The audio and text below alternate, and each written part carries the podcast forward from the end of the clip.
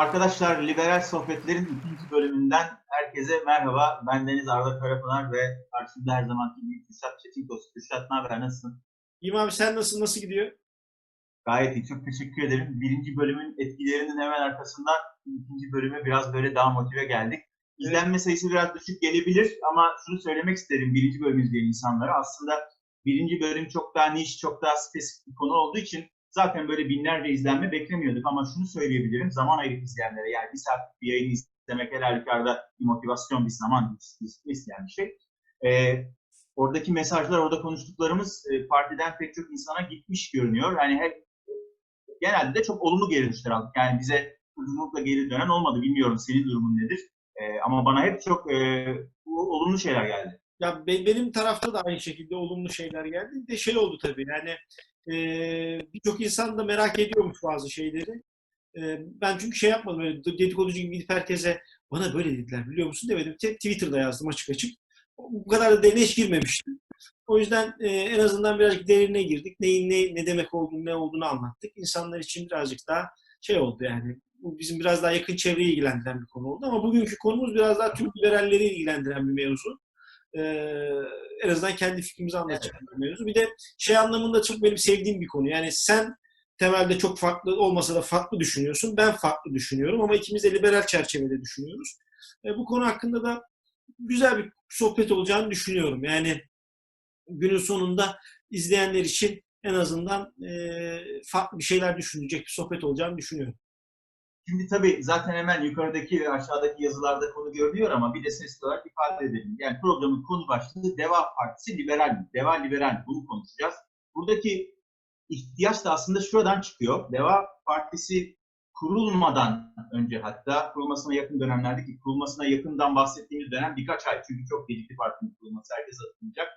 E, fakat kurulduğu andan itibaren e, hem kadro tercihi hem üslup hem politika oluşturmaktaki yaklaşımları Deva Partisi liberal mi gibi bir takım e, ve bunun altında e, çeşitlendirecek bir takım sorulara sebep oldu. Tabii hal böyle olunca özellikle Türkiye'de liberalizmin tapusunun elinde bulunduğunu söyleyen bir parti olarak Liberal Demokrat Parti ve Liberal Demokrat Parti'de çalışanlar, oraya emek verenler, onların gönüllüleri, sempatizanları yani e, onların liberal olup olmadığı tartışılır gibi bir biraz defansif aslında reaktif bir yerden hareket etmeye başladılar. Fakat biz bu programda, programların devamında şöyle bir şeye hassasiyet göstereceğiz, özen göstereceğiz. Rüzgara kapılıp giden ve günde, gündemde konuşulan konuları takip etmek veya onlar üzerine fikir beyan etmek yerine kendi gündemini, yani liberal perspektifte konuları değerlendirme özen göstereceğiz. Çünkü Türkiye'de hakim söylem üzerine siyaset, hakim söylem üzerine tartışma çok yapılıyor zaten ama biz burada liberal değerler ve liberal öğreti bağlamında aslında kendi politikalarımızı, kendi veya geçmişte oluşturmuş politikaları ifade etmeye çalışacağız. Doğru mu? Doğru. Yani bir de şöyle bir şey var. Yani e, günün sonunda e, liberal mi değil mi'nin cevabı çok basit. Yani temele baktığın zaman evet hayır sorusu ve çok net bir cevabı var bunun. Ama e, detayında benim de birazcık şeyim şu, e, yaklaşımım şu olacak. E, birincisi politikaları birazcık değerlendirmek lazım.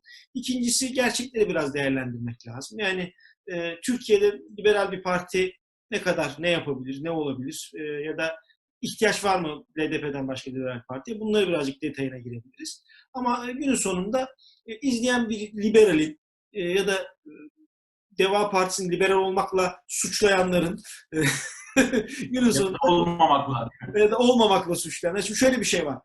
E, bu çok değişti. Eskiden şundan bir 10 sene evvel liberal de denmezdi, liboş denirdi.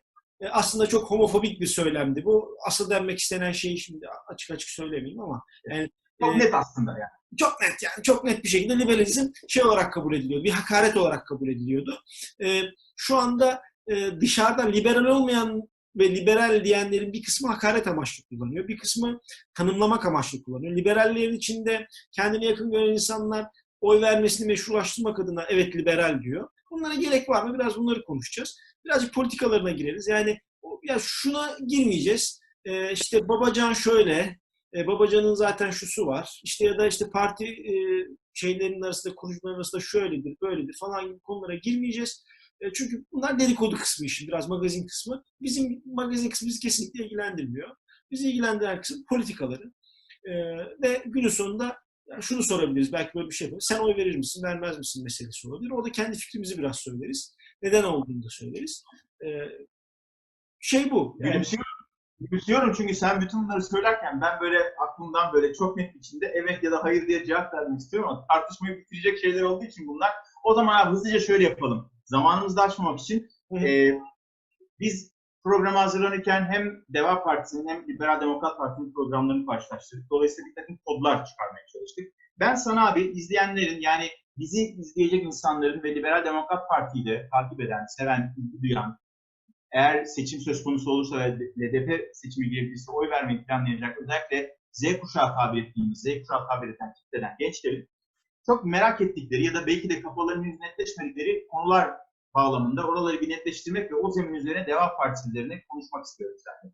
Ee, senin tabii LDP geçmişin de daha uzun olduğu için aynı zamanda e, akademik olarak da bunları, bu konularda çalıştığım için birkaç sorun var. Onlara çok kısa net cevaplar isteyeceğim. Onun üzerine inşa edelim abi konuyu. Tamam, hayır. Çok bir şey soracağım. Bir siyasi partiyi liberal yapan şeyler nedir, nelerdir abi?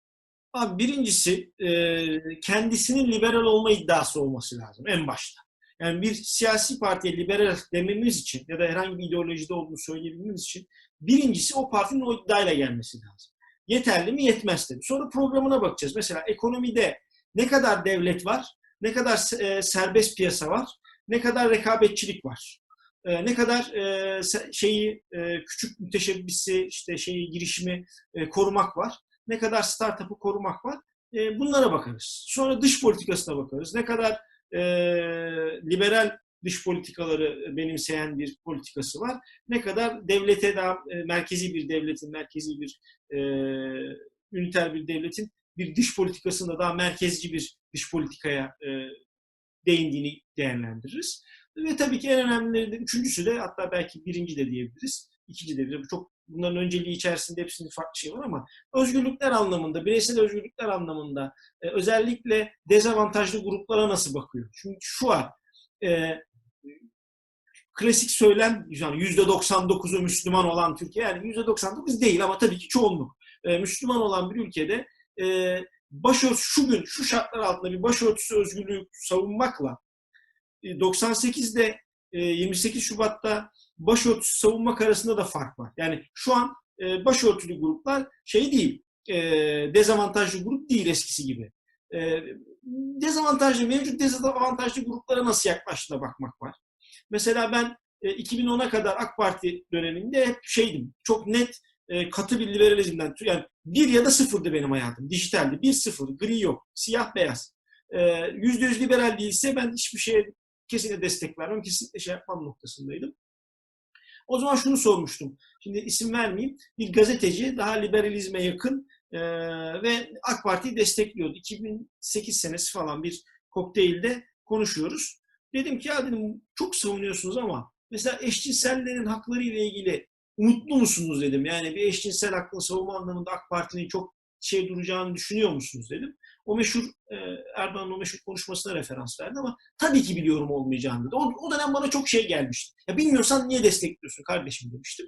Şimdi birazcık herhalde yaşlandığım için, birazcık da e, gerçekleri şey yaptığım için e, gerçeğe baktığımızda bir partiye bunlar hepsi yüzde yüz yoksa liberal diyemeyiz ama Türkiye'de liberaller desteklememeli de diyemeyiz. Yani liberallerin desteklemesi için hayat artık hep ittifaklar e, üzerine kuruluyor.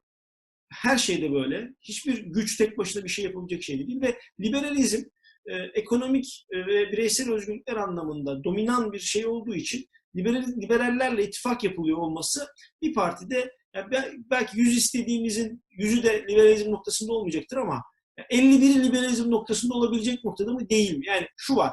Liberalizm o parti için isim mi sıfat mı? Benim için önemli olan o. İsim Tamam, güzel bir isim olamaz. Bir parti için isim olamaz. Yani Türkiye'de LDP dışında hiç hiçbir parti için e, isim olamaz. Önemli olan ne kadar sıfat olabilir? Ben şu anda ona bakıyorum. Tamam bu noktada o zaman e, bir şey soracağım ama soru e, bir ek bir sorun var ama onu sormadan evvel aslında senin söylediğin şeylere e, daha netleştirici bir ifade olarak aslında bir partinin kendini liberal olarak tanımlayıp tanımlamasında temel yani belki de ilk aklımıza gelecek çok kısa bir çok küçük bir kelime kendi küçük ama etkisi büyük hukuk Yani yaptığı işleri, önerdiği her şeyi hukuka, yeri geldiğinde uluslararası hukuka yani eğer çelişen bir şey varsa uluslararası hukuka uygun yapıp yapmayacağını vaat ediyorsa ona göre liberal olup olmadığına karar verebiliyoruz. Doğru mu? Bu Doğru. bağlamda Doğru sayalım. şöyle, Doğru. şöyle, bir, şöyle bir şey. Yani aslında benim e, burada belki araya gelip şeyi söyleyebilirim. Yani benim kendime göre bir liberalizm tanımım var. Tabii herkes uluslararası normları kabul eder ama herkesin bir yandan da kendine göre tanımı var. Benim gözümde liberal kişi ya da liberal kurum makbule bakmaz, meşruya bakar. Yani bugün LGBT bireylerin haklarını savunmak ya da şu marjinalize grubun haklarını savunmak geleneklere göre, göreneklere göre makbul kabul edilmeyebilir. Ama o meşru bir talepse o liberal birinin de talebi olabilir. Ben buradan bakacağım. Dolayısıyla şunu soracağım sana. Peki bir parti kendini liberal olarak tanımlıyorsa ya da seçmenleri ya da sempatizanları üyeleri ona liberal sıfatı kazandırdıysa bir parti neler yaptığında ya da yapmadığında ona liberal değil diyebiliyor.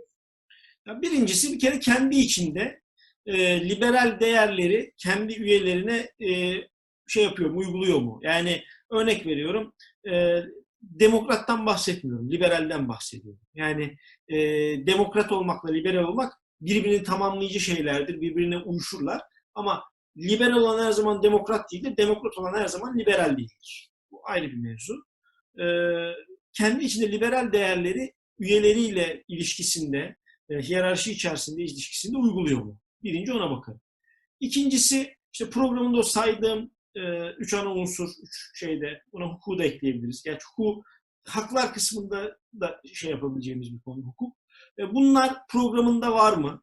Mesela LDP'de program kısmında hiçbir eksiklik yok. E, program biraz eski yazılmış program olduğu için değişikliklere göre birazcık update edilmesi gerekiyor. Ayrı bir durum. Ama o update edilmesi gereken noktalarda ürettiği politikalar da vardı. Oradan biraz değerlendirebiliriz. E, bu noktada liberalliğini tartışabiliriz. Ayrı bir mevzu. Üçüncü olarak da yani bu iki şeyin dışında üçüncü olarak da benim açımdan önemli olan şey e, papalık yapıyor mu? Yani bir e, liberal parti e, ve üyeleri kimin liberal olduğuna karar verdiği noktada benim nazarımda liberal değildir. Yani çıkıp sen liberal değilsin çünkü falan diyorsa yani kendi iç ilişkileri, program ve dışarıyla ilişkileri noktasında bu üç aşamaya bakarsınız.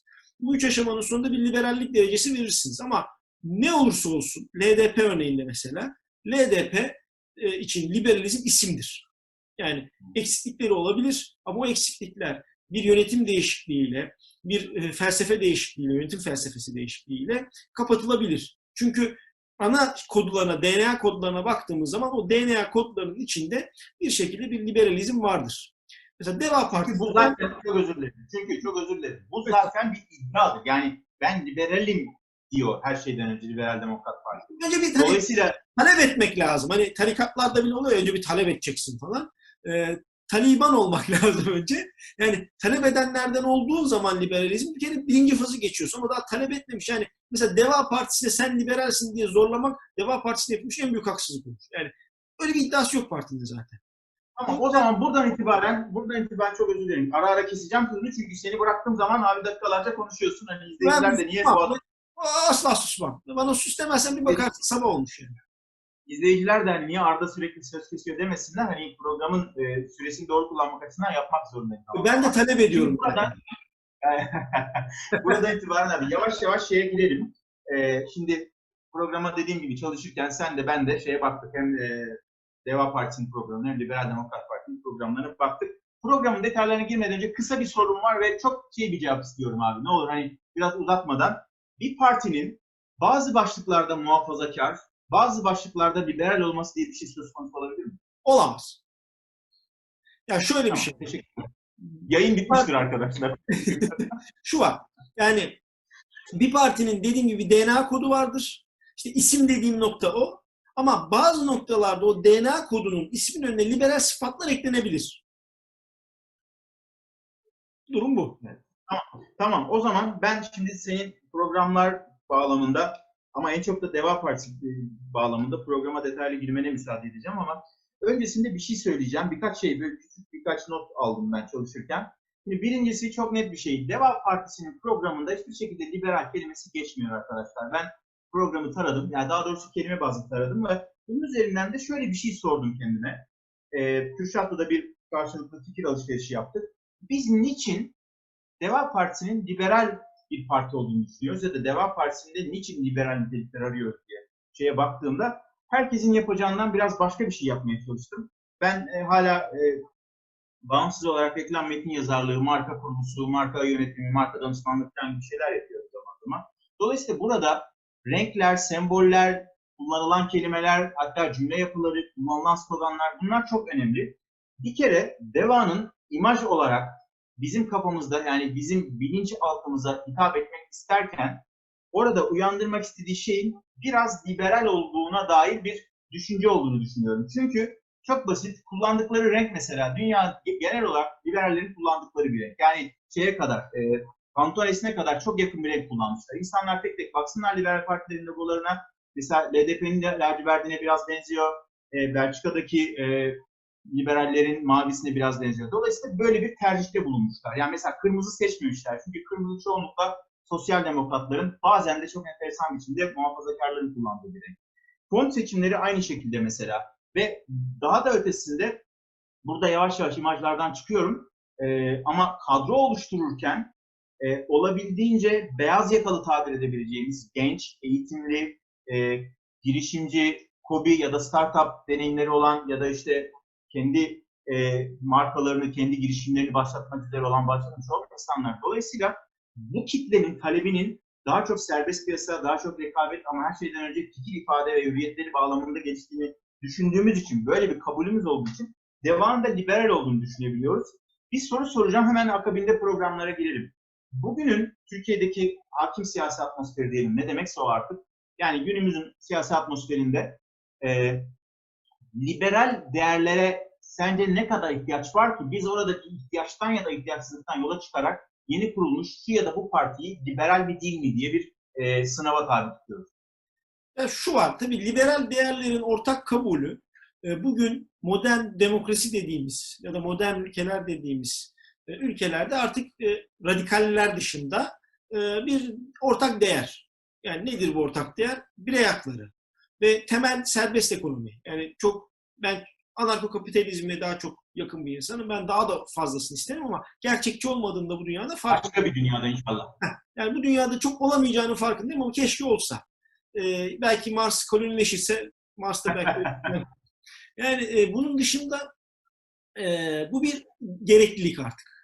E, ve bundan sonra gelecek olan yani birazcık daha baskıcı gördüğümüz bir yönetimden sonra gelecek olan yönetimin bunu vaat etmesi lazım. Yani daha çok serbestiyet vaat etmesi lazım. Hem ekonomide hem bireysel özgürlükler anlamında. Deva bunu e, söylem bazında en azından güzel yapıyor. Bu Deva'nın şeylerinden bir tanesi. Şimdi hemen programlara gireceğiz. Deva şu anda Türkiye'deki eski, yeni kurulmuş, kurmayı iddia eden veya vaat eden partiler içerisinde bir sonraki seçime değil, seçimin sonrasına odaklanmış tek siyasi hareket. Bu çok ayrıştırıcı özellikleri. Aynen öyle. Aynen öyle ve yani güzel önerilerle geliyorlar. Yani ben şimdi mesela siyaset bilimci gözüyle değil bir seçmen gözüyle baksam e, seçmenin e, güzel noktalarda dokunuyorlar. Yani iletişim anlamında mesela şu benim kafamda soru işaretiydi. Gelecek Partisi de var belki onu da konuşuruz. Ee, Gelecek Partisi çok hızlı örgütlendi ve biz dedik ya bu deva dedik fos herhalde. Hiçbir şey yapmıyor. Sonra bugün geldiğimizde şimdi örgütlenmesine de baktığımız zaman şunu görüyoruz. Seçici ve gerçekten kendini AK Parti mirasından da ayrıştırmaya çalışan bir şeyi var. Yani e, çoğu insan ya hiç siyaset yapmamış ya STK'lar bazında siyaset yapmış e, kitlelerden oluşuyor ama toplumun da ya da bazı kitlelerin bildiği de mesela bizim liberal arkadaşlarımız da var, liberal büyüklerimiz de var kurucular arasında. E, şöyle baktığımız zaman her kesimden de ama hürriyetperler diyebileceğimiz, zaten liberal yakıştırması da oradan geliyor. Yani daha serbestiyetçi, daha hürriyetperver diyebileceğimiz kitlelerle kurulmuş. AK Parti'nin bir 2013 öncesi daha özgürlüklerin övüldüğü, özgürlüklerin daha birincil değer olduğu dönemdeki e, yaklaşımlarının e, destekleyen isimlerden bir şey var. Sağ ya da şey olması fark etmez. E, sol birazcık daha az tabii. Yani neticede bence merkez sağ bir parti. E, bence değil aslında. Öyle de yani öyle demek zorundayım. E, merkez sağ bir parti. Bir merkez sağ parti için aslında e, Avrupa şeyinde baktığımız zaman, skalasına baktığımız zaman e, çok başarılı şey yapılmış, örülmüş bir e, merkez sağ parti. Tamam. e, benim de ekleyeceğim şeyler olur ama zamanı iyi kullanalım. Programlara geçelim abi. Yavaş yavaş. Ben bir iki not vereyim. İnsanların e, hani programı okumamış insanlar olabilir. E, tabii burada biraz aslında e, dayanak noktası olarak bir e, millennium noktası olarak e, Liberal Demokrat Parti programında açtık önümüze koyduk. Çünkü hani ikimiz, ikisi de ikimiz de LDP geçmiş olan hala parti üyesi olan insanlarız ve biz o programın gerçekten çok iyi bir program olduğunu düşünüyoruz. Çok net belki de Türk siyasi tarihinin en iyi programı olduğunu düşünüyoruz. Tabii tartışılabilir. E, Kürşat'ın söylediği gibi bir takım revizyonlara ihtiyaç vardır ama e, şunu söyleyeceğim sadece. Liberal Demokrat Parti'nin parti programı 25 sayfa. Deva'nın parti programı 130, 136 sayfa. Yani aslında e, çok müdahaleci olmaması gerektiğini söylediğimiz bir devlet, devletin, o partinin de tabii ki iddiası iktidara gelmek, yani devletin yöneticisi olmak, devleti yönetmek ve ülkeyi yönetmek. Dolayısıyla her alana müdahale etmeyi öngören, e, orada ucu açık ifadelerle şöyle olabilir, böyle yapacağız, şöyle yaparsak böyle olur falan gibi ifadeler içeren bir parti programından bahsediyoruz ama Kürşat orayı biraz daha sıkı çalıştı. E, belki üstelik Kürşat LDP programını daha detaylı bildiği için oradan referanslara gidebiliriz. Saya. Buyur. Sayabilmesi kolay. Evet programla ilgili söyleyeceklerim neler abi? Devam programı. Programla ilgili detayına girmeden evvel e, Türk siyasi partilerinin programları genelde letter of goodwill yani iyi niyet mektubu gibi bir şey oluyor. Yani şöyle yapacağız. E, yani ortak bir iyi belirleniyor. O ortak bir iyiye birazcık e, kendi çerçevesinden bakıp çok iyi bir şey yapacağız diyor ama ne yapacağını çok detaylandırmıyor. LDP'nin politikası bu noktada çok farklı.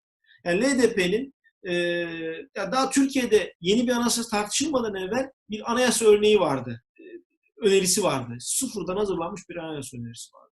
İşte şeye baktığın zaman, parti programına baktığın zaman başlık başlık ne yapacağı açıklanıyor.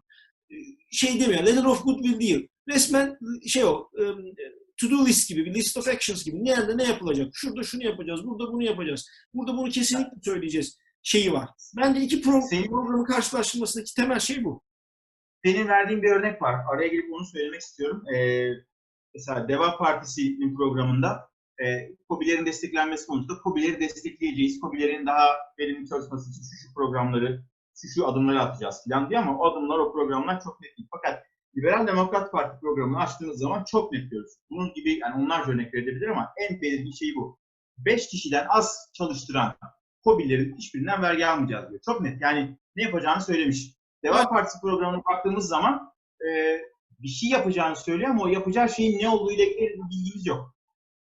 Yani burada bir şey var tabii. Yani e, benim tavsiyem, bunu izleyen bir devalı arkadaş varsa, benim tavsiyem gecikmeden, e, çünkü şuna inanan bir insanım, ben 2023'ten evvel seçim olacağına inanıyorum.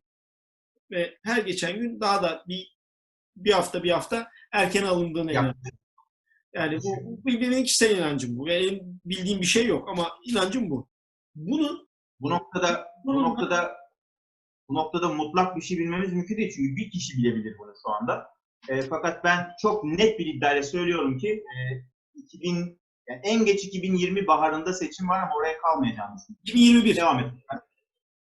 En geç 2021 baharı ama en geç yani 2020 içinde bile olabilir. Ben bir ara hatta çok emindim ya bu 2020'nin Kasım'ına falan bir seçim girer diye. Bu Covid falan biraz şey yaptı. işi e, Ben hala ben hala orada bir seçim olabileceğini düşünüyorum. Yani yıl bitmeden bir seçim ihtimali çok yüksek bence. var hala var. Yani şu son yapılan İyi Parti'ye ittifak çağrısı da biraz onu bana işkillendirdi. Neyse. Devam. Onun gibi, e, bu noktada baktığımız zaman İyi Parti'ye benim tavsiyem İyi Partili arkadaşlara birazcık şey koysunlar. Yani net mikroda LDP'nin bu 5 kişiden aşağı inşallah çalarlar bu politikayı. Keşke çalsalar. Ya bizim programı çalsalar aşırı mutlu olurum. 5 kişiden az çalıştığın adamdan vergi almıyoruz. Belli şartlarla. Mesela ben bir şey kurarım. E, küçük mikro şirketler ağ kurarım. Dörde dörde bölerim insanları. Değil yani. iyi niyetli, küçük esnaf anlamında kalacak. Ya bir kafede üç kişi çalışıyorsa sen o adamdan şey alma. E, vergi alma. Bırak o adam üç kişi orada istihdam etsin. Bırak. Ya Yani- bırak, çok özür dilerim araya gireceğim. Bırak o adam büyüsün, iki şube açsın, üç şube açsın, 20 kişi çalıştırsın o zaman al zaten. Al. Ya bu, bu küçük küçük hep mesela vergi indirimleri mesela. Net bir flat politikası uygulayın.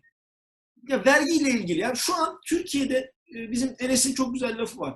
Bıktım diyor çocuk. Bıktım yani ekonomik olarak ne yapılması gerektiği çok açık zaten diyor. Tekrar tekrar bunu tartışmanın bir anlamı yok diyor. Yani ne yapılması gerektiği çok açık ekonomik anlamda. O açıdan bir adam akıllı ne yapacaklarını yazarlarsa, anlatırlarsa liberalleri ikna anlamında da birazcık daha şey olur. Öyle bir kaygıları var mı yok mu bilmiyorum ama yani e, Bana yok gibi geliyor. ya şöyle bir şey var. Sırf liberalleri yok ama tabii liberallerin onlarla olması onlar için de bir avantaj, liberaller için de bir avantaj. Yani e, netice itibariyle benim söylediğim şey e, ben iktidar olmayayım, benim fikrim iktidar olsun. Şahıs olarak benim iktidar olmamın bana bir kazandırması yok. Yani çünkü benim siyasetten zengin olmak gibi beklentim yok. E, Zaten gibi Siyasetten, birisi siyasetten zenginse siyaset yapmıyor olabilir. Büyük ihtimalle. Ya da işte eşimi dostumu zengin edeyim gibi bir kaygım yok. Benim kaygım siyasetten özgürlükler şey olsun, toplum safında yüksek olsun. Ben de bundan faydalanırım zaten. Ben zaten o şeyde zengin olurum girişimciliğimde. Benim e, hükümette olmama gerek yok. O yüzden bunun gibi net e, şey cümleler mesela toplumsal cinsiyetle ilgili bir cümle vardı. Yani onu ben mesela bir muhafazakar olarak okursam farklı bir şey çıkarırım bir işte e, liberal olarak okursam farklı bir şey çıkarırım.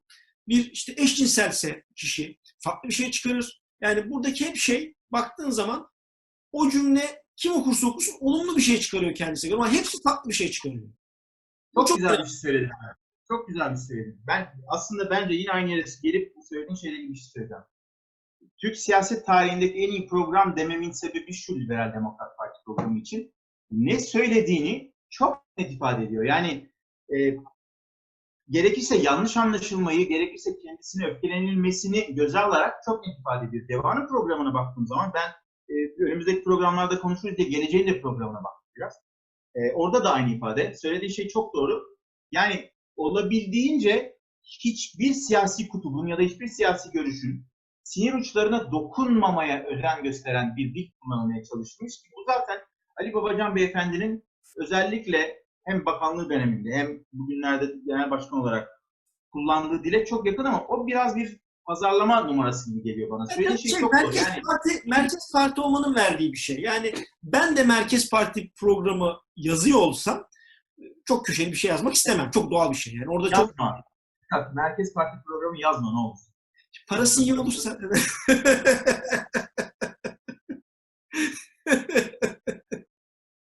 Programlar bağlamını programlar bağlamında devam edelim abi. Ee, sen belki orada notların varsa hani ben seni kesmiş olmayayım sürekli. Sen aktarmaya devam et çünkü ben biraz da şey bağlamında... Temel şeyim bu. Benim temel değerlendirmem bu. Yani program ne niyetle okuduğunuza bağlı. Mesela o toplumsal cinsiyetle ilgili bahsettiğim cümleyi de okuyayım da boşta kalmasın. Son Tabii, tabii. kadın başlığını mesela hep söylediğim bir şey. Mesela kadın başlığının bile bence biraz şey sıkıntılı bir durum. Ama maalesef Türkiye'de gerekiyor. Yani bakın son cümlesi kadın programın kadın başlığının son cümlesi toplumsal cinsiyet eşitliği konusunda net hedefleri olan uygulama planları geliştirilecek. İlgili kamu kuruluşları ve kadın örgütlerinin işbirliği ile yukarıda sayılan alanlarda sağlanan ilerlemeyi ölçümleyip izleyecek ve halka duyuracağız. Dediğim konu- Kürşat ben ben bir net görüşümü söyleyeyim mi aslında? Biraz hani senin program hakkında konuşmana müsaade etmek istedim ama Hı hı. ben çok net konuşacağım. Net konuşmayı seviyorum. Deva Partisi'nin parti programı bir parti programı değil. Deva Partisi'nin parti programı, sen de aslında benzeri bir şey söyledin ama bir niyet ifadesi. Yani biz eğer iktidar olursak ya da karar verme noktasına gelmiş olursak, karar verici olursak bunlara bağlı kalarak bir şeyler yapmaya çalışırız. Ama bunlara bağlı kalarak dediği şeyde de net bir çerçevesi olmadığı için şöyle olabilir yani. Bugün Deva Partisi'nin en büyük avantajı iktidarda olmaması. Çünkü iktidarda olmadığında bu söylemleri muhalif bir dille ya da daha muhalif bir bakış açısıyla yani neyin iyi çalışmadığına göstererek, işaret ederek harekete, hayata geçirebilir ya da böyle konuşabilir. Ama bu kadrolarla iktidara geldiklerinde kendilerinden önce oluşmuş devlet yapısı, devlet mekanizmaları ya da çeşitli zorluklarla karşılaştıklarında bu ifadelerin muğlaklığı niyetlerinden bambaşka bir uygulama yönüne doğru gidebilir. Yani aynı cümleler yine senin ifade ettiğin gibi bambaşka uygulamalar yaratabilirler. Dolayısıyla diyorum ki ben bu bir parti programı değil. Çünkü net adım atacağını söylemiyor. Yani veya net yapacağını, ne, ne yapacağını net olarak söylemiyor. Evet ama yani şu noktada ben devamında çok üstüne gidemiyorum o konuda. Çünkü Türkiye'de siyasi parti programı böyle bir şey. Yani Türkiye'de Evet. siyasi parti programı iyi niyet mektubu. Ee, Ben ama bak burada ayrılacağız. Burada ayrılacak görüşlerimiz. Çünkü yani e, mesela Gelecek Partisi'nin programını okuduğumda aynı şekilde kızgın olmuyorum. Çünkü Gelecek Partisi'nin iktidara gelebildiğinde ne yapabileceğini çok iyi biliyorum. Yani zaten Ahmet Davutoğlu beyefendi yarım kalan bir şeyin üzerine bir şey inşa etmek istediğini söylüyor. Yani söylemlerinden bunu anlıyoruz. Yani yarım kalan bir hikayesi var onun. Oradan devam edeceğim gibi bir şey söylüyor. Fakat DEVA siyasette yeni bir dil, yeni bir yaklaşım diyor. Bak notlar aldım mesela. Özellikle ben Ali Ali Babacan Beyefendi'nin konuşmalarını da not aldım. Yedek taradım. Israrla kullandığı kelimeler var. Bak, proje diyor, strateji diyor, politika geliştirmek diyor. Ee, yeni dil diyor, daha kapsayıcı diyor, daha kucaksayıcı, kucaklayıcı dil diyor. Şimdi hal böyle olunca ben Deva Partisi'nden daha net konuşan bir program, daha net ifade eden bir şey bekliyorum.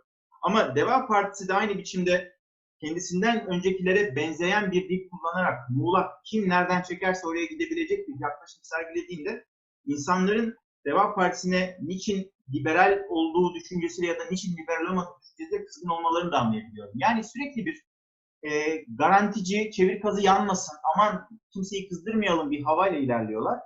E, tabii bu iktidar olmak istedikleri, yani aslında yönetici... strateji aslında. Yani bu bir strateji. Evet, Yani bu strateji üzerinden partiyi eleştirmek bence çok şey diye. Ben benim kendi açımdan söylüyorum. Ben bu şekilde eleştirmem ama şeye baktığımız zaman şu anki genel çizilen şekle baktığımız zaman mesela işte şeyde gene STK'larla ilgili şeyinde var. Mesela ifade özgürlüğü lehine olmak suretiyle yeniden düzenleyeceğiz diyor bu e, toplanma, gösteri düzenleme gibi haklarını. Yani işte hep özgürlüklere, işte şeye yani parti programında da onun lehinde olacağım. Evet özgürlüklerin lehinde duracağım sözünü orada veriyor. Ben tabii niyet okuma noktasında şey değilim. Niyet okumayı çok sevmem. Ya da işte e, geçmişteki şeylerden dolayı işte bazı durumlardan dolayı e, kendimce bir niyet atamayı da sevmem. O yüzden şu program nezdinde baktığımız zaman, ne de şeyden baktığımız zaman, Ali Bey'in söylemleri üzerinden baktığımız zaman ki şu anda da parti adına daha çok Ali Bey konuşuyor. Ee, ki Türkiye'de 3 aşağı 5 yukarı böyle gidiyor işler. İsteriz ki daha çok kişi konuşsun e, partiyle ilgili. E, şunu görüyorum ben. Merkez sağ, Özalvari, bu çok önemli. Özalvari, bir merkez sağ, Özalvari bir hoşgörü. Yani biz evet e, muhafazakar köklerimiz var. E, İslam dinini aramızda yaşayan arkadaşlarımız da var, yaşamayan arkadaşlarımız da var. Bu bizim kimliğimizi tanımladığımız bir nokta değil. E, özgürlüklerden yanayız, merkez bir partiyiz. E, ve geldiğimiz zaman kendine referans göster. Mesela Davutoğlu için dedin ya, bir yarım kalan bir şey var. E, ekonomi anlamında da şimdi kimse alınmasın, darılmasın. E, ekonomi anlamında ben Babacan'a güveniyorum. Neden güveniyorum? Çünkü referans gösterdiği dönemde ki ilk başlarda hep şey denirdi. Kemal Derviş'in programının üzerine gitti den, denirdi. E, başlarda belki evet ama sonra değiştirdiği noktalar oldu ve başarılı olduğu noktalar oldu. E, şöyle bakıldığı zaman ekonomi anlamında şu an Türkiye gibi ülkelerde önce bakılacak olan şey ekonomi. Çünkü gerçekten ben geçen gün bir tweet attım. Dedim ki yani e, ilk işe girdiğim maaşı altına çevirdim o altının o günün kurun şey altın gramajından kaç lira aldığıma baktım. Şimdiki maaşımı misliyle bir maaş alıyorum altın üzerinden gittiğimiz zaman. Altın biz liberaller için önemli bir şey. Ee, değişim or- oranı olarak altının değeri bizim için önemli. Yani çünkü her zaman her şeyde temel değer olarak altını alıyoruz. Ona baktığımız zaman o dönemki ekonomik refaha baktığımız zaman e, şu an için ilk sorunumuz olan ekonomik kısmını düzeltebileceğine inanıyoruz. İkinci bir kısmı var. Ben kendi açımdan değerlendirdiğim kısım. E, dedikoduya girmeyeceğiz dedik ama şey olarak baktığımızda, genel olarak baktığımızda ben kredi yani nedir abi? Ekonomi güven temellidir. E, dünyada para var. Londra'da, bütün global bankaların merkezi olan Londra'da kredilerin nasıl dağılacağına karar verecek olan insanlar güvenerek bakıyor. Şu an maalesef e, Sayın Erdoğan e, oralarla birazcık çatışarak bazı şeyleri inşa ettiği için oralardan bir kaynak yaratamıyor. Ne yapıyor? Orta Doğu'ya gidiyor, Rusya'ya gidiyor kaynak yaratmak için ama yeni bir kaynak yaratmaya çalışıyor. Milli projelerle bir şeyler yapmaya çalışıyor. Ee, ama buralardan gelen para da maalesef tam istediğimize yetmiyor. Yapamıyoruz bazı istediğimiz şeyleri. Batı'dan gelecek olan para ilk başta işleri düzeltmek için bir kredi olarak işimize yarayacak olan kısım. Ben yine Sayın Babacan'ın burada e, o taraftan krediyi alıp bunu düzgün işleyebileceğine inanıyorum. Yani özetle şöyle söylüyorsun. Babacan gelirse para gelir. Doğru mu? Ben net konuştum. Para var. Tamam benim için para çok önemli bir şey. Para çok önemli. Yani Babacan yani baba yani Ali Bey'in bir parasal kredisi olduğunu, bir güven kredisi olduğunu Güven biliyorum. kredisi var. Yani bakanlık döneminde şey de vardı. Bu arada onu da unutmayalım. Yani e, AB Bakanı olduğu dönemde e, Batı'da e, Sayın Babacan'ın gençliğiyle ilgili bak ne kadar yanlış bir şey görüyor musun? Batı'da yani. E, Batı'da gençliğiyle ilgili bazı şakalar yapan şeyler vardı. İşte isim takıyorlardı falan ama yani dışişleri geçmişi de var adam. Yani şuraya baktığın zaman dünyayla gerilen ilişkilerimizi mesela bugün bir Akdeniz sorunu yaşıyoruz. Bence Türkiye haklı. Temel olarak Türkiye haklı. Ama yani haklıyken haksız duruma düşmeyecek aksiyonları alırken hata yapıyor.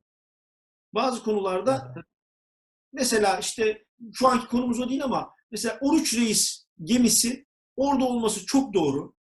Ama aslında işi militerleştiren Yunanistan yani o, o noktada o noktaya getiren gelen Yunanistan ama biz gidiyoruz diyoruz ki gereken her şeyi yaparız bizi kızdırmayın ha falan. Ya onu deme. Onu demeden Mustafa, yapacağım yap. Konu değil ama ben de bununla ilgili çok kısa bir şey söyleyeyim. Arada konudan çıkmış olalım. Yani orada aslında bizim ne kadar haklı olduğumuz ya da ne kadar güçlü olduğumuz çok önemli. Ne yaptığımız önemli. Yani Oruç Reis'in orada dur- durmasında haklı olabiliriz. Bunlar tartışılabilir ama sen Oruç Reis'i oradaki işini yapmak üzere olduğu mekanizmasını tamir etmeden gönderirsen ve bunu herkes biliyorsa senin o gemiyi orada tutmanın hiçbir anlamı kalmıyor. O gemi orada ama geminin iddia ettiği işi yapmadığını herkes biliyor. Yani bunun bir şov olduğunu, arkasını dolduramadığımızı ve arkasını dolduramadığımız için de ciddiye alınmayacağımızı herkes biliyor. Problem bu. Yani bu, burada bir istersen bin kişiyle konuşalım. Bunların içinden yani en devlet düşmanı bile hani tırnak içinde söylüyorum. Ya Akdeniz'de Türkiye haksız demez. Çünkü mesele çok açık. Değil mi? Ya, haklısın. Yani- Yani, yani var Yani- olduğun için senin o denizdeki oradaki ki tarihsel olarak hakimiyetin olan bir yer e, doktrin olarak kabul ettiğin kıta sahanlığı şeyiyle e, uyuşan uluslararası hukuk anlamında hiçbir sıkıntısı yok ama sen bunu gidip BM'ye doğru düzgün taşımamışsın. Avrupa Birliği'nde zaten yapamazsın. Avrupa Birliği o bir taraf. Yani Avrupa Birliği'yle çözüm arıyorsan hata yapıyorsun. Yani Avrupa Birliği yapısı gereği Yunanistan ve Rum kesimini tutacak. Bundan şeyin yok. Yani bu, bu- çok net abi zaten. Yani ben yine böyle, şey, böyle Ha. daha böyle hani da- daha kısa, kısa kestirme konuşayım. Zamanı da iyi kullanalım. Liberal konusu, deva ve liberalizm konusuna dönelim. Yani Yunanistan ve Türkiye tarafsa Yunanistan ve Avrupa Birliği taraf. Net. Yani Aynen, işi aynen. Şaşıracak bir durum da değil bu. Dönelim Babacan'a. Mesela Babacan döneminde böyle bir şey olsa ki e, Davutoğlu'da da e, şey olabilir. E, Babacan döneminde böyle bir şey olmaz. Yani Ahmet Babacan- Bey'de olabilir ama Babacan Bak. olmaz. Babacan döneminde bu iş oraya varmadan çözülür. Onu da sana Evet. söyleyeyim. Çünkü e, yine aslında belki liberal değil mi konusuna bağlamak için bir şey olabilir. Bizde hep kullanılan bir şey vardır. Ben çok doğru bir tabir olarak düşünmüyorum ama kullanmak zorunda burada. Devlet terbiyesi denilen bir şey var ya. Yani diplomasiyi de, iyi iletişimi de Diplomasi barındıran. Devlet terbiyesi o kadar çok. Diplomasi Evet. Diplomasi diyelim. Yani diplomatik kanalların Morşerlik. tamamen kullanılması. Evet, evet. Yani mor... Peki morşer. Hani diplomasi araçların nasıl diplomasi, diplomasinin önemini bilen, diplomasiyi nasıl yapacağını, nerede yapması veya nerede yapmaması gerektiğini bilen birisi olduğunu kabul edebiliriz Kesin. Babacan Beyefendinin. Dolayısıyla meseleler böyle noktalara gelmez. Yani burada kürsüden çıkıp e, orada öyle yapamazsınız deyip sonra e, orada başka türlü davranacak biri gibi gelmiyor bana. Tanımıyorum Yani- gibi ama Ben mesela e, destek veriyorum dediğim noktalardan birisi de bu. Yani ben şunu biliyorum. Yani şu var. Tabii ki ben benim hayalimdeki Türkiye Besim Tibuk'un Cumhurbaşkanı olduğu bir Türkiye. Tamam başkanlık çok eğleniriz ya.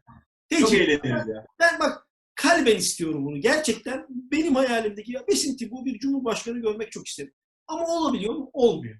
O zaman ben alternatiflerime bakmak zorundayım. Alternatiflerimin içinde bana en yakın, istediğime en yakın nasıl yapacağım? Şey, şeye benziyor bu. E, şu anda benim e, dediklerim gitmiyor olabilir sana ama internetle ilgili bir bağlantı sık- sıkıntısı çıktı ama Duyuyorum.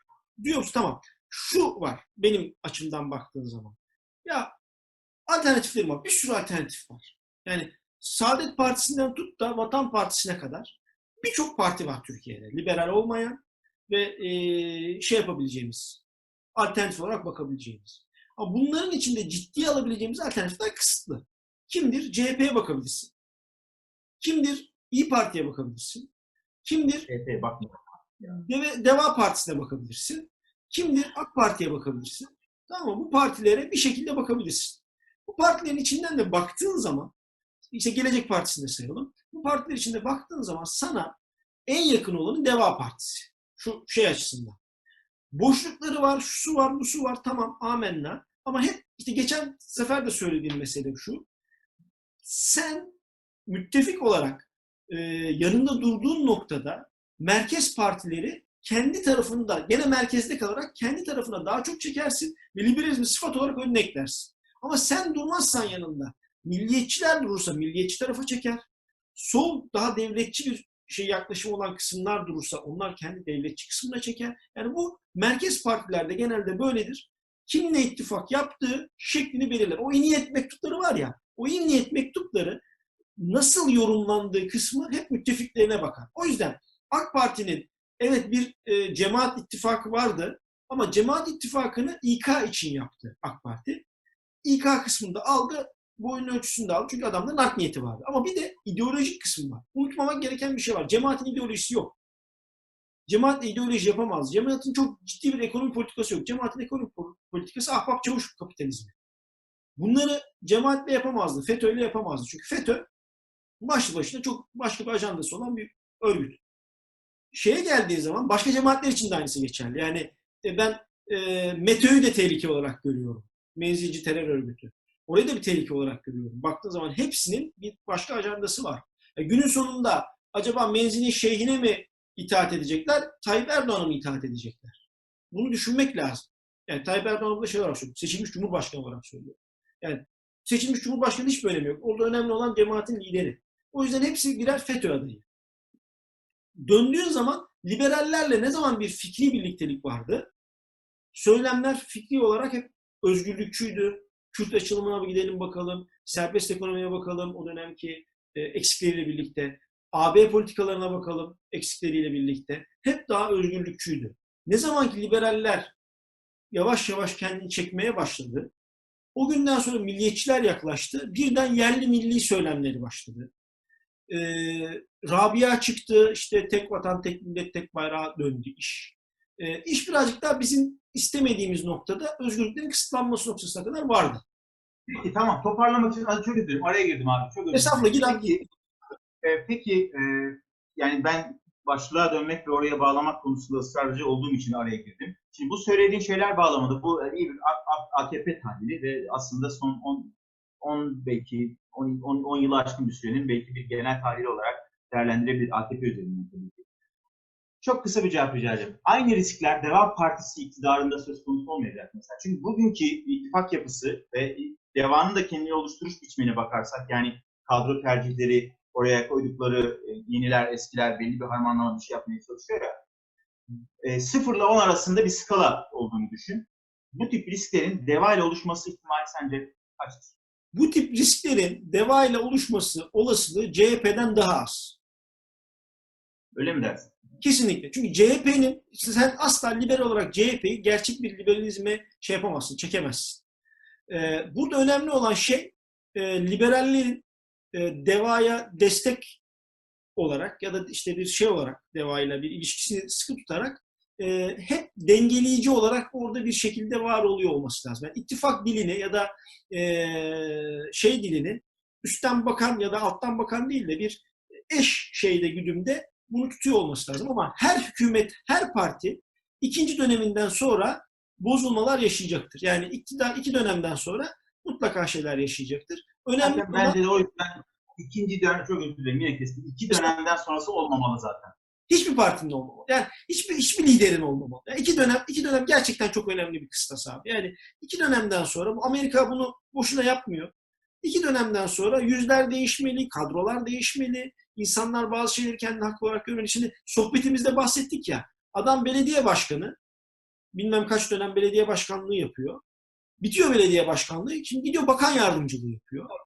Hep aynı yüzler. Yani e, hani nerede kaldı yenilik, yeni yüzler, yeni şeyler? Nerede kaldı? Yok bitti. Şimdi Deva'da da, Peki. Deva'da da bir şey söyleyeceğim. Deva'da da mesele şu. Deva'yı şey anlamında, destek anlamında İyi Parti'ye, CHP'ye sadece bırakıldığı noktada İyi Partileşmiş, CHP'leşmiş bir deva göreceğiz. Ama liberaller sıfatlar takmak yerine devaya destek olurlarsa e, oy vererek değil sadece fikri anlamda da yönlendirme noktasında destek olurlarsa DEVA İyi Parti ile de ittifak yapsa, CHP ile de ittifak yapsa o liberalizmin özgür ağırlığının her zaman için sıfat olarak tutmaya bakacak onu. Yani liberal bir merkez sağ şeyinde olacak. Hepimiz bileceğiz bunun merkez sağ partiden şey demeyeceğiz. Zaten kendilerinin de böyle bir iddiası yok. AK Parti'nin de asla böyle bir iddiası olmadı. Liberal denmesine rağmen. Ben liberalim demedi. Ben dedi muhafazakar demokratım. Ben DEVA'yı birazcık 2010 öncesi AK Parti'ye benzetiyorum. Bu noktada şunu yapmamamız lazım. %100 olmadığı noktada 1-0 değil, griyi de araya koymamız lazım. Arada bir yerde 0,5 da var, yarım da var. O yarımı da arada olduğunu düşünüp ona göre al verin düzgün yapmamız lazım. Bireysel özgürlükler olabildiğince ne alabiliyorsak, iktisat ne alabiliyorsak, bunları iktisadi özgürlükler ne alabiliyorsak bunları düzgün bir şekilde dengeleyip devayı burada tutarsak çünkü ben devanın mevcut alternatifler içinde liberalizme en yakın alternatif olduğunu düşünüyorum. Hadi şunu demiyorum ama liberal de değil. Yani aslında tabii e, toparlayalım yavaş yavaş. Yani e, Deva Partisi'nin söyleminde ve o söylemine bakarak bir eğer projeksiyon yapabileceksek, niyet okuyuculuğu gibi değil bu. Yani bir, bir takım hayaller kurabiliyorsak Deva Partisi ilgili olarak, o hayallerin liberal bireyler olarak ya da liberal politikalar beklentisi, liberal bir ülkede, liberal bir yerde yaşayan beklentisi olan bireyler olarak liberal hayallerimizle Deva Partisi için kurabildiğimiz hayallerin bazı noktalarda örtüşebildiğini görüyoruz. Ama bunlar çok maksimum, çok geniş alanlara hitap etmiyorlar. Fakat içinde bulunduğumuz atmosferde e, şeyi de özellikle hatırlatarak söylüyorum bunu. E, yani Deva'nın seçim sonrasına odaklanan tek parti olması gerçeğinden de hareketle. Aslında evet yani liberal bir bireyi biraz daha ikna edebilme potansiyeli olabilen bir parti gibi görünüyor. Son bir iki bir şey söyleyeceğim. Aslında bununla çelişen gibi şeyler olacak ama gerçek bir Deva Partisi portresi çıkarmaya çalışıyorum kendi perspektifimde. Deva'nın kurucular listesine baktığımız zaman açıkça liberal olduğunu söyleyebildiğimiz insanlar olabiliyor ya da liberal değerlere yakın olduğunu söyleyebiliriz bazı insanlar. Fakat ben dün baktım e, il başkanları yani il teşkilatları listesine. 61 yerde il başkanı atamışlar. Şu anda e, bugün en son Gaziantep'in kurulduğunu biliyorum. Bugünkü yayının tarihi itibariyle. Hı hı. E, o kurucular kurulunda gördüğümüz skala il teşkilatlanmalarında yok. Yani aslında yine daha başka partilere yakın, yani yine siyasal İslam diyebileceğimiz ya da net merkez sağ diyebileceğimiz profillerin teşkilat yapılarında çoğunlukta olduğunu görüyoruz. Çünkü kaçınılmaz olarak yani aslında o kadar da çok insan kaynağı yok teşkilatlanma. Yani yani ilk yayında konuştuk ya, yani herkesle teşkilat yapabilirsin ama sana yakın bulabileceğin insan sayısı çok az. Bir ikincisi 61 başkanından sadece 5'i kadın. Kadın kotasında tamamen patlamış durumdalar. Orada bir şey vardı hatırlarsan. Özellikle kurucular kurulunda. Ee, bir başka şey söylemek istiyordum. Bence bu da çok önemli. Yani Deva Partisi'ne bir ikaz olarak söyleyebileceğimiz o hayallerin eşleşmesi bağlamında umutların tazelenmesine sebep olabilecek bir yaklaşım geliştirmeni sağlayacak şey.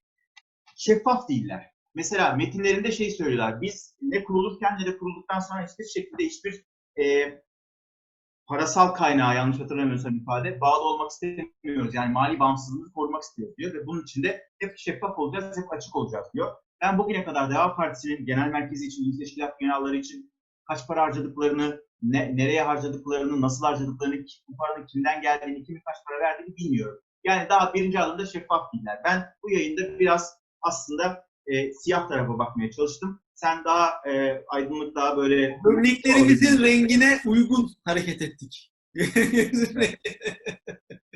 ya o zaman şey son, istiyorum. Dediklerin çok doğru. Yani dediklerin aslında Deva Partisi'ne dostane bir e, tavsiye olarak düşünebilecek bir şey.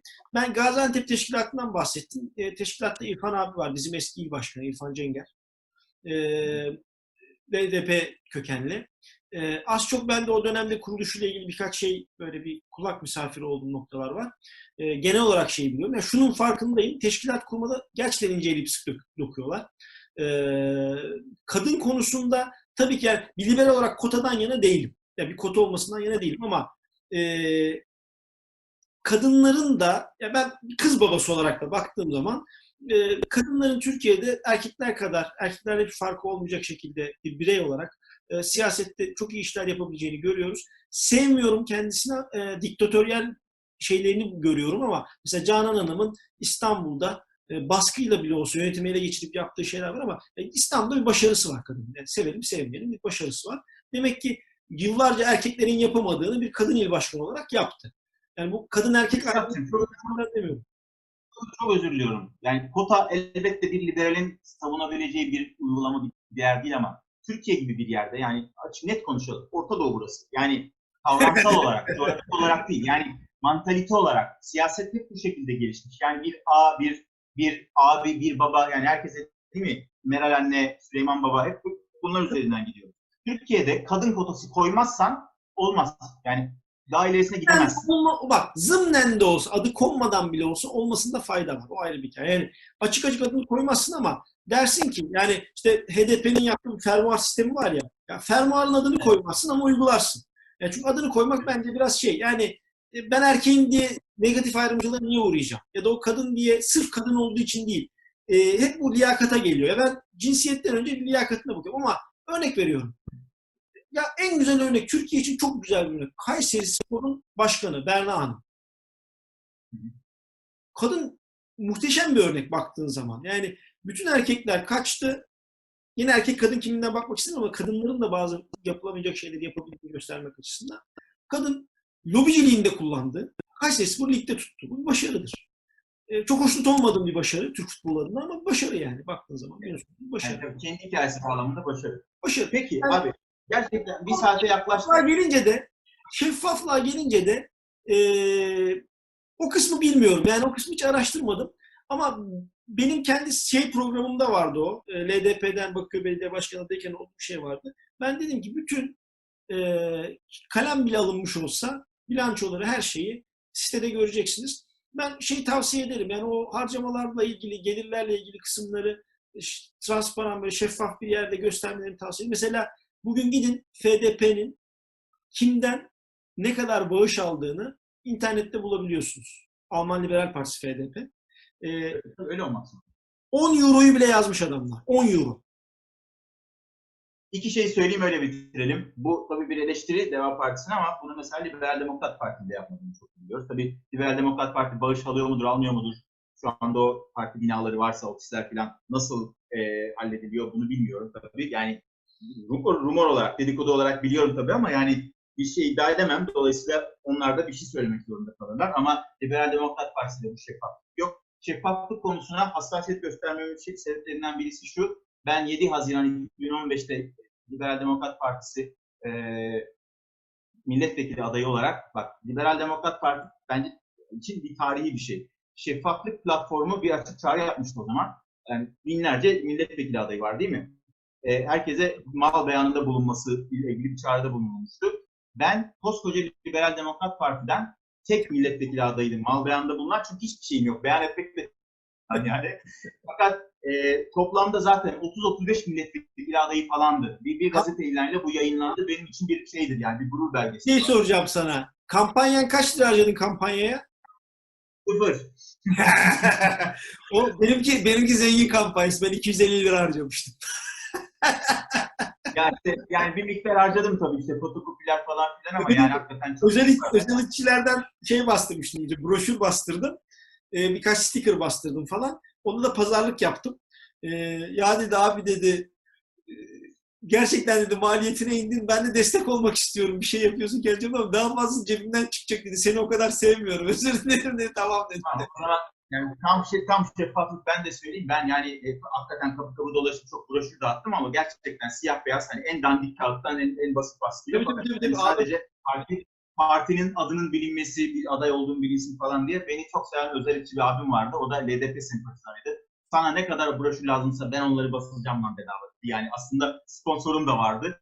Dolayısıyla gerçekten sıfır Başarı budur. Başarı budur.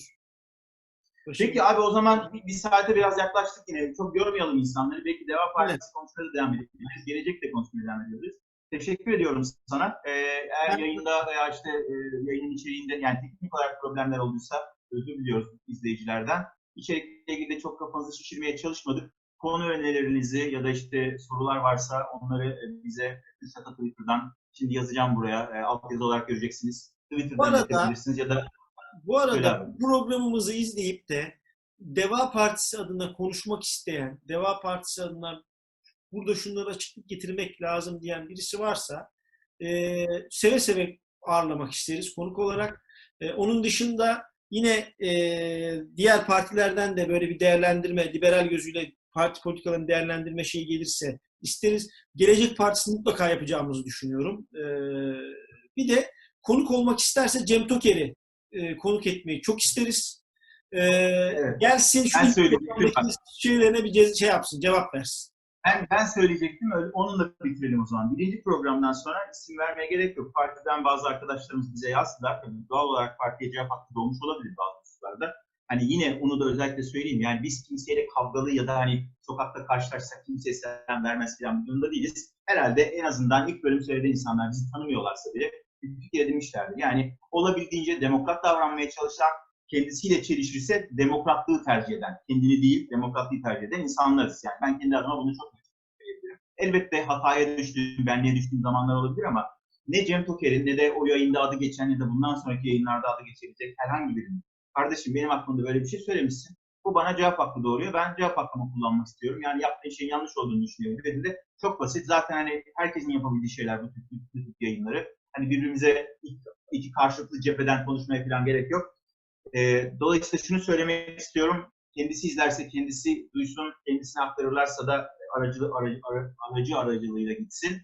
Ee, Cem abi, Cem Bey, Cem Bro artık hani nasıl istiyorsan abi, nasıl hitap etmemizden hoşlanıyorsan burası sana açık ya da senin adına konuşması iste, istediğin herhangi bir birisi varsa son derece açık. Ee, sana küskün, kızgın falan değiliz. Ben seni seviyorum hala ee, ama bazı tartışmalar ayrı hikayelerdir. Yani cevap hakkın var, cevap hakkı kullanmak istiyorsan burası açık. Kürşat olma diyorum ben de sana. Dikkat et. Ne abi? Kürşat Ne olma. diyorsun? Peki abi o zaman şöyle şu bir ortak noktamız var dedim ya birisi şeyi sormuş bana DM ile sordu. Ya bu hayal kırıklığı meselesi nedir? Ee, yani aslında e, çok detaya girmeden ikimiz de LDP tarafından hayal kırıklığı olarak hatta Kürşat en büyük hayal kırıklığı olarak Ben en büyük hayal kırıklığıyım. Ee, herkes e, bilsin. En büyük benim.